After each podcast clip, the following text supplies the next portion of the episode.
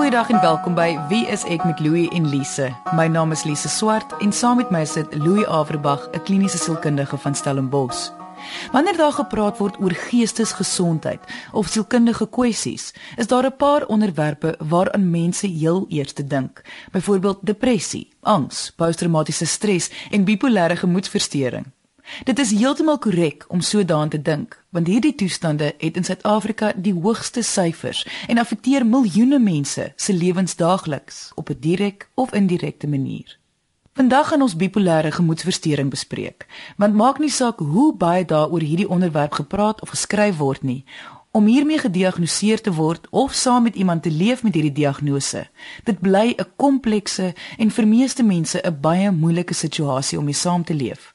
En ongelukkig is daar ook nog baie wanopvattinge rondom bipolêre gemoedstoornis. So ek en Louie gaan vandag en in volgende week se episode daarop fokus om hierdie onderwerp so deeglik as moontlik te bespreek. Ons gas is Johan van Rensburg. Hy is 'n geskeide man in sy laat 30's en gediagnoseer met bipolêre gemoedstoornis. Kom ons hoor waar sy storie begin. Ek is bietjie rondgegooi in die familie in die sin van dat my maat my buite egtelik gehad en die angs wat sy ervaar het, het ek saam met haar ervaar. Van die begin af, ehm um, familie het dit nie lekker aanvaar nie. Bedoel dit was in die 70's gewees en dit is dit 'n moeilike ding vir families om te aanvaar en te hanteer. En vir alles jy in 'n gemeenskap is waar wat mense van jou dink baie belangrik is. So my my uh, my oupa en my het uh, het hulle baie onttrek van van die gemeenskap af toe dit gebeur het in my ma het basies op 'n stadium met sy maar besluit sy sy kan nie dit meer lekker hanteer nie en sy het gaan sy het sy het gaan werk soek verder weg en sy ek ek is toe basies deur my oupa al groot gemaak. Maar 'n uh, paar jaar later, ek dink ek was omtrent so 4, 5 gewees toe sy getrou en ek is toe basies by hulle afgegooi en ehm um, moes toe by hulle groot raak. En ek het glad nie van die situasie gehou nie, van die omgewing gehou nie, nie van my stiefpa gehou nie. En ehm uh, Ja, en en dit het vir jare lank so aangehou. En soos ek sê, ek dink die omstandighede het 'n bietjie van 'n bydrae gehad in terme van gemoed. en ehm um, en ja, en en, en natuurlik die hele gevoel van dat mense nie inpas nie en dat jy nie jy's nie veronderstel om in hierdie wêreld te wees nie. Jy's nie veronderstel om hier te wees nie, so nou sukkel die wêreld om jou in te pas eers. Vir my hele lewe lank het dit my gepla. Dat dat ek voel ek nie inpas nie en ek dink dit het 'n groot mate te doen met ehm um, met my omstandighede natuurlik as kind en soos wat ek groot geraak het maar ek dink dit was basies maar net 'n katalisator vir ehm um, die kondisie wat ek daar gehad het om net verder daarin dat dit net aangesterk. Meeste mense besef dat bipolêre gemoedstoornis te doen het met twee pole waar iemand aan die een kant baie laag of sleg voel en aan die ander kant baie goed. Maar dit is tog een van die wanopvattinge dat dit so eenvoudig is. Ja, ek wil net eerstens reghelp daar. Tot en met baie onlangs het ons van bipolêre gemoedstoornis gepraat, nê. Nee. Want dit was geklassifiseer onder die depressie en gemoedstoornis. Maar die nuwe navorsing wat uitgekom het wys dat ons anders begin kyk na bipolêre verstoring. Ons praat nie meer van 'n bipolêre gemoedstoornis nie. Ons praat nou van 'n bipolêre verstoring. Dit val nie meer onder die depressie versteurings nie. Dit val so half tussen depressie en psigose. En dit is nou 'n hele wil ek amper sê mediese toestand op sy eie. So hy het nou so eie kategorie geklep plaas van deel van die gemoedstoorningsfamilie. Absoluut. Dit is nie meer deel van daardie familie nie en dit is 'n baie moeilike diagnose om te maak. Dit klink vreeslik eenvoudig, nê? Nee. Maar omdat mens oor tydperke moet kyk en omdat dit nie so maklik is nie, word hierdie diagnose baie keer gemis selfs deur professionele mense baie keer verkeerd gediagnoseer ook. So dis regtig nogal baie moeilik. Nou as dit so 'n moeilike diagnose is, hoe kan mense nou vir ons luisteraars sê waarvoor kan hulle dan nou uitkyk? Ja, as mens praat van uitkyk, dan is dit gewoonlik die geliefdes of die gesin of kollegas van iemand wat sukkel met 'n bipolêre verstoring. Want as iemand self daarin is, is dit baie moeilik om dit te sien, nê. Nee. Mm -mm. So waarvoor mens uitkyk hierso is dat mens het twee dinge. Jy het 'n maniese episode en jy het 'n toestand van depressie. En as mens praat van manies, dan praat mens van 'n opgeligte, oormatige gevoel van opgewondenheid, iets wat heeltemal amper buite jou karakter is. Mm. En as ons praat van depressie, dan praat ons van depressie soos wat dit ons dit ken. En manie is 'n ding, jy weet, dis daarom ook nou nie meer staan op die oggend jy voel verskriklik lekker en nou is jy skielik manies. Nee, dit moet daarom nou al 'n paar dae of ten minste daarom 'n week voorkom. En waaroor dit dan gewoonlik gaan is 'n beduidende 'n uh, toename in jou selfwaarde. Jy skielik dink jy jy kan alles baie goeders doen, nê? Nee, mm, mm. Dit is nogal lekker want jou selfwaarde gaan verskriklik op. Gewoonlik 'n uh, totale afname in die behoefte aan slaap, baie meer spraaksaam as gewoonlik of baie meer druk om om mekaar te praat, nê. Nee. En mens sal agterkom dat 'n persoon wat in 'n maniese fase is, se gedagtes hol verskriklik rond. Dit is baie gedagtevlugte. Dan sit hierdie idee en dan is dit daardie idee word maklik se aandag afgelei van sommer een idee af. Hmm. Uh en ons kan sien dat baie keer in hierdie toestand is daar oormatige betrokkenheid by plesierige aktiwiteite wat die persoon nie gewoonlik sou by sou gewees het nie nê nee, soos uh om baie inkopies te doen seksuele aktiwiteite roekelose gedrag ja, amper iets wat tipies uit die karakter van die persoon uit is en potensiële groot gevaar vir die persoon inhou of negatiewe implikasies vir die persoon inhou. Maar mens kan so dink want as hulle voel hulle is onaantastbaar dan sal hulle gedrag mos nou wys dat hulle dink hulle is onaantastbaar. Ja, dis amper daai ding wat mense doen wat jy sê maar ek gaan niks negatiefs kan met my gebeur nie. Ek kan maak net wat ek wil. Mm. En dan natuurlik ook die val na 'n depressiewe episode. Nou ons almal ken depressie. Min van ons ken die manie deel. En dis waar die term bipolêr vandaan kom. Daar's 'n maniese komponent, dis daai opdeel en dan is daar die depressie wat die laadeel is. En depressie soos wat ons dit ken waar jy sosiaal dan wil onttrek van ander mense of wat die gemoed ontsettend laag is. So mense moet uitkyk vir sou jy sê na hoe daai sprong tussen die twee. Dat dat vir 'n sekere tydperk is iemand baie laag, dan is hulle ewe skielik weer baie hoog. Dit is tekens waarvoor mense moet uitkyk. Ja, en as ek praat van as ons praat van hoog en laag hier, praat ons van beduidend hoog en laag, nie ons praat nie normale van, menslike reaksies nie. Ja, nie daai dag waar jy net bietjie uh, verspot is nie. Ons praat van 'n beduidende patroon van manie. Ek dink ek het ek het vir jare lank het ek geweet iets is nie lekker nie en ek kon nie my vinger daarop sit nie. So ek het klomp sielkundiges gesien. Vir een of ander rede het hulle dit nie opgetel nie. Wat ek opgetel het is is dat ek baie keer uh laag was, depressief gevoel. Ek dink ek het al begin ek het dit begin voel op hoërskool. Toe al begin ek dink iets is nie heeltemal lekker nie. Ehm um, ek het te emosioneel gereageer op meeste dinge. Ehm um, klein goedjies wat mense vir my sê. Natuurlik my gedagtes wat rond rondspring die hele tyd, skrikkelik rondspring. En net begin besef dat dat iets nie heeltemal lekker is nie. Maar soos ek sê, ek kon nie meer reg my vinger daarop sit nie.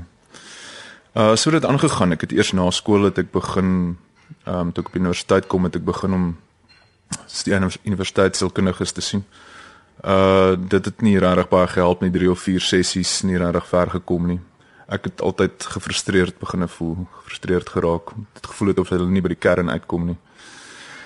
Ehm um, so het dit aangegaan en ek het ehm um, ek het deur episodes gegaan waar ek laag is vir 'n lang tyd. Uh kon 'n uh, paar dae gewees het, dit kon 'n paar weke gewees het. En dan skielik kom ek agter maar nou gaan dinge weer baie lekker, ek kry baie lekker idees en ek is vol energie. En ehm um, en dan werk ek so 'n week of so daaraan en dan skielik gaan my energie weg. Ehm um, en was net gedink dis dit dit is ehm um, dis maar seker normaal. Uh ek soek iets, ek kan nie kan nie uitkom by iets wat wat vir my genoeg energie gee om aan te gaan daarmee nie. My idees is nie heeltemal goed genoeg nie. Meer en deel se gevoel gekry dat mense my nie lekker verstaan nie. En omdat mense my nie lekker verstaan nie, het ek naderhand begin dink maar miskien is ek nie so intelligent soos wat ek dink nie. Eintlik maar net gevoel eintlik van baie lank terug af gevoel dat ek nie inpas in die wêreld rondom my nie. Jy luister na Wie is ek met Louie en Lise op RSG 100 tot 104 FM. Daardie gevoel van nie inpas nie is 'n baie algemene gevoel wanneer dit kom by meeste of ek wil amper sê alle sielkundige toestande. Sou mens so ver kon gaan om te sê dit is 'n teken waarvoor mense maar kan uitkyk. Selfs al het dit nou niks spesifieks met bipolêr te doen nie, is dit 'n teken vir 'n sielkundige toestand of 'n sielkundige probleem. Nie regtig nie, nee, dit is nie regtig 'n simptoom wat algemeen is van sielkundige toestand nie. Maar wat ons wel kan sê, as mense sukkel met 'n met 'n sielkundige toestand, dan voel hulle meestal as gevolg daarvan dat hulle nie inpas in die samelewing nie of dat daar iets fout is met hulle ensovoorts. En dit skep sy eie stel probleme vir die toekoms. Hmm. Maar en as 'n simptoom, nee, nie regtig nie. Daar is twee verskillende soorte bipolêr. Kan jy dalk net vir ons die verskil tussen die twee verduidelik? Daar is twee verskillende forme van maniese fases wat mens kan beleef en dit word genoem bipolêr 1 en bipolêr 2. Bipolêr 1 in essensie is maar net dat die maniese fase sou vir enige iemand vreemd gewees het. Met ander woorde, enige persoon sal na die persoon daar kyk en sê, "Jo, hierdie persoon tref baie vreemd op." Mm -mm. By bipolêr 2 uh, eh, is daar praat ons meer van hipomanie. En dan is dit vreemd vir die persoon. Wow. Nie noodwendig vir almal nie. En dis gewoonlik ook nie baie lekker nie. O, oh, dis baie interessant. Maar diegene wat 'n lekker, kom ons noem dit nou maar 'n lekker maniese fase beleef. As dit dan so lekker is, Hoekom is dit of kan dit dan nou so sleg wees vir hulle? Dit gaan oor die implikasies van die gedrag. Baie van ons sal miskien in onsself in ons geskiedenis herken daardie tydperk by 'n partytjie of by 'n funksie waar ons onsself verskriklik geniet het, maar ons het nou bietjie skaam gekry na die tyd. In die oomblik, miskien het jy 'n drankie te veel ingehaat of wat dit ook al is, voel dit so verskriklik lekker en jy gee nie om om daai oomblik wat gebeur nie.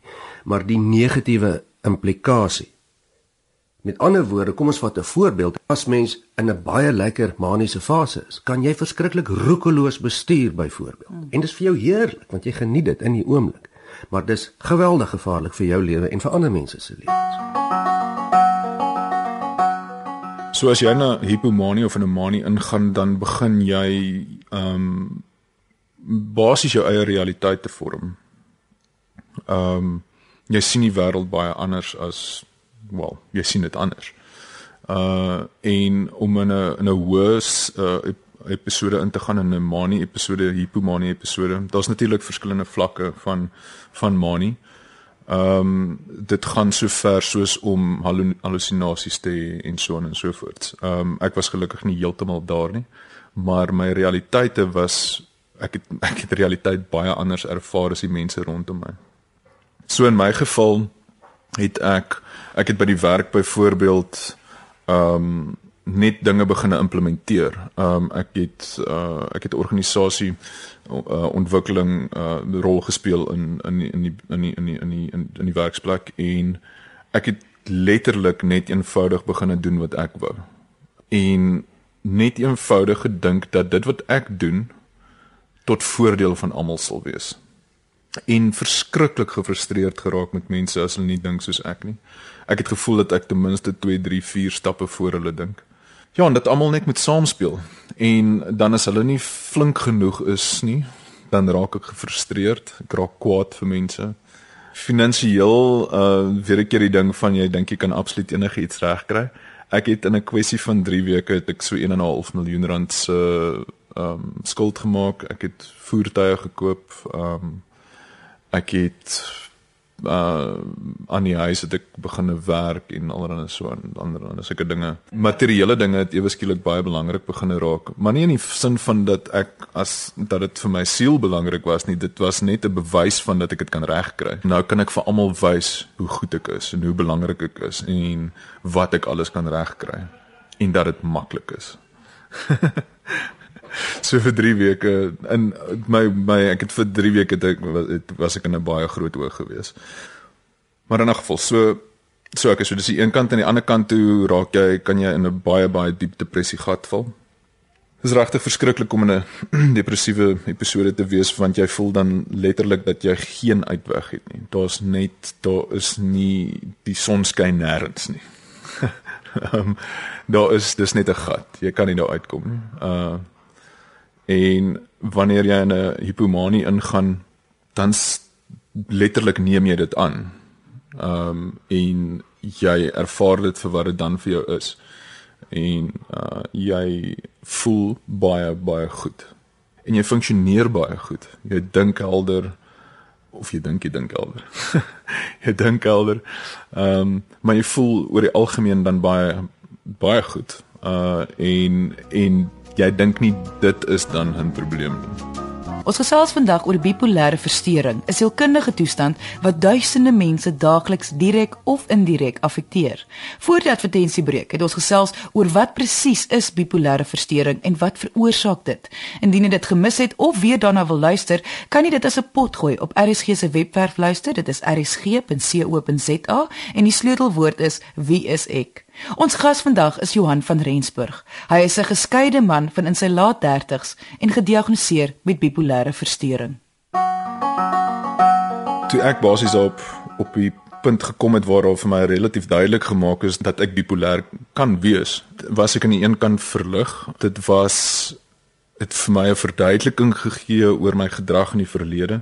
Ek kon terugdink en kyk na situasies veral in verhoudinge maar ook in el alledaagse lewenssituasies uh hoe emosioneel ek geraak het oor uh oor die situasie of hoe ek opgetree het as gevolg van die situasies kan ek nou terugkyk en sê goed dit moet daarmee te doen gehad het. Dit moes iets daarmee te doen gehad het. En ja ehm um, ek kon al daai situasies anders hanteer het ehm um, as ek helder gedink het daaroor maar as gevolg van die bipolariteit het ek dalk nie helder gedink daaroor nie. Aan die ander kant voel jy ook baie ingedoen.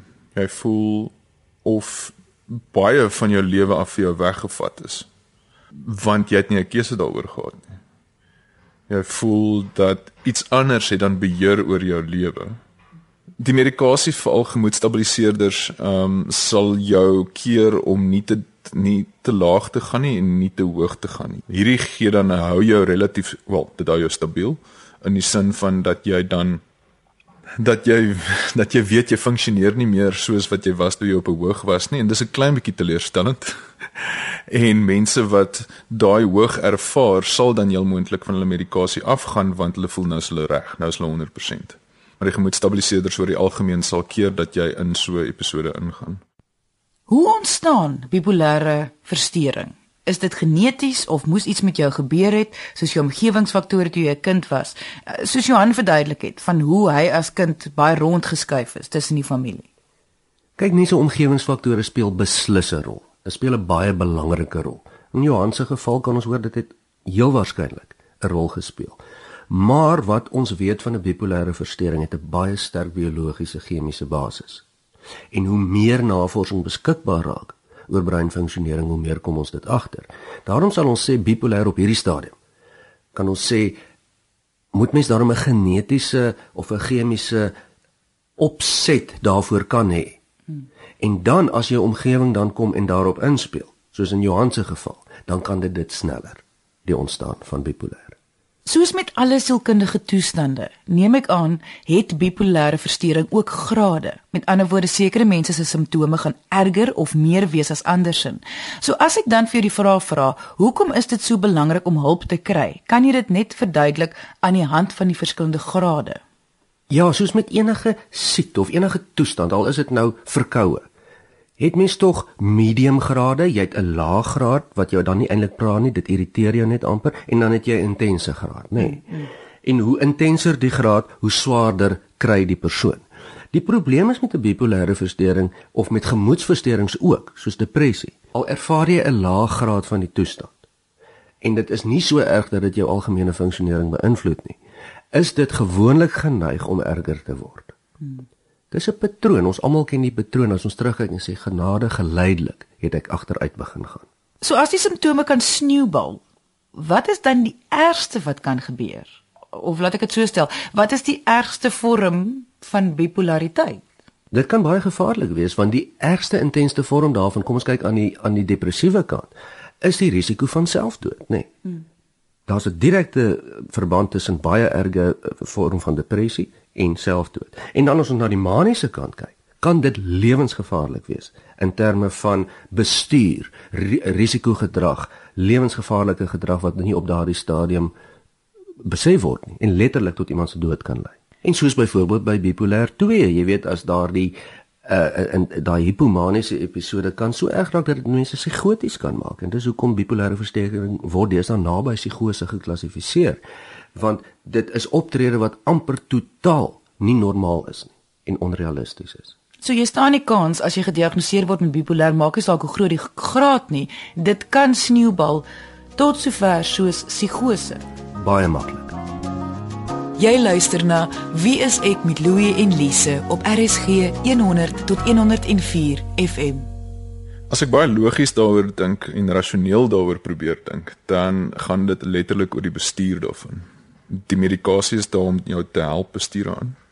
Solank jy dit neem, dan gaan jy beter besluite kan neem en jy gaan op 'n goeie mate op 'n positiewe manier kan omgaan met die wêreld rondom jou ek het ook so ver gegaan soos om van begin van die ja, soos nou al amper 'n jaar wat ek glad nie meer alkohol neem nie. So ek het daarvan af afgeklim want dit dit help my ook dan om om die hele kondisie beter te bestuur. Ehm um, so ja, die pad vorentoe is letterlik 'n uh, kom ons vat dit dag vir dag. Selfs nie eers dag vir dag nie, maar eintlik oomblik tot oomblik. Ek ek het sekere omstandighede wat ek moet bestuur. Ehm um, en dan wel hanteer en bestuur. En en as ek sou moes dink watter tipe invloed dit op my lewe vorentoe het, dan sal ek letterlik van my kop af gaan. So ek het nodig om ek het nodig om letterlik die dag te bestuur en nog meer eintlik om dit nouer te maak en en oomblik tot oomblik te bestuur. En ag ek het nou maar vir myself sekere dinge begine aanleer soos hulle noem dit in Engels coming to your senses. En wat dit letterlik beteken is is raak bewus van jou senses. So in die oomblik, wees in die oomblik, gebruik jou oë, gebruik jou hande, gebruik jou ore, voel waar jy is, weet waar jy is, sien waar jy is, hoor waar jy is en konsentreer op absoluut alles wat nou rondom jou is. En dan naderhand raak dit lekkerder want jy is hier, daar's geen ander tyd is nou nie. So Ehm um, dit wat kom is bestaan nie en dit wat was bestaan ook nie. Ja, dis ons is nou net hier. En dit is dis die dis die groot ding waarop ek fokus op die oomblik. Kyk, mens kan verstaan wanneer iemand in die depressiefase is, gaan jy bewus wees daarvan dat iets nie reg is nie. Maar wanneer jy lekker voel, met ander woorde in 'n maniese fase, maak dit net soveel sin dat jy nie gaan agterkom iets is verkeerd nie. So hoe kan jy effektief iets bestuur waar die kanse goed is, jy gaan sekere tye nie weet of besef wat aangaan nie. Ja, dis 'n baie goeie punt want wat mens dan nou sê is, jy weet jy gaan in die moeilikheid kom, maar as jy in die moeilikheid kom, gaan jy niks daaraan kan doen op die oomblik nie want jy kan nie helder dink nie. Presies. En dit beteken mens moet dan voor die tyd geweldig proaktief optree, nê. Nou die basis van behandeling en bestuur van bipolêr is medikasie. En mense moet dit baie mooi besef. Hierdie verstoring het 'n baie sterk chemiese basis. En mense met bipolêre verstoring word die mees effektiefste behandel met medikasie. Dis die beginpunt. So jy moet by met saam met 'n psigiater werk of 'n uh, jou huisdokter werk of 'n mediese persoon werk wat die chemiese basis van hierdie ding behandel. Maar dan gaan dit ook om jou dinge in plek te sit, om jou planne in plek te sit. As jy weer 'n maniese fase gaan beleef, laat jou geliefdes of jou kollegas of jou vriende nou al voor die tyd weet dat jy strukture in plek sit dat jy nie kan moeilikheid aanjaag nie. Soos byvoorbeeld vra jou vriend om jou sleutel weg te steek of wat dit ook al is. 'n hmm. Plan van aksie is die doeltreffende manier tot bipolêr en mens kan 'n baie baie hoë kwaliteit lewe hê as jy gediagnoseer is daarmee, as jy dit reg bestuur. Ons het aan die einde van vandag se episode gekom. Baie dankie aan Johan dat hy sy storie met ons gedeel het. Indien jy enige vrae oor vandag se onderwerp of enige ander onderwerp het, kan jy ons kontak deur ons webwerf. Dit is wieisek.co.za of kom gesels saam op ons Facebookblad onder wie is ek met Louie en Lise. Volgende week gaan ons verder gesels oor bipolêre verstoring, waar ons gaan fokus op families en geliefdes wat moet saamleef met iemand wat hierdie diagnose het. Dankie dat jy vandag ingeskakel het. Ons maak weer so volgende Vrydag net na 12:00 op RSG. Jy moet 'n heerlike naweek hê he, en onthou, kyk mooi na jouself.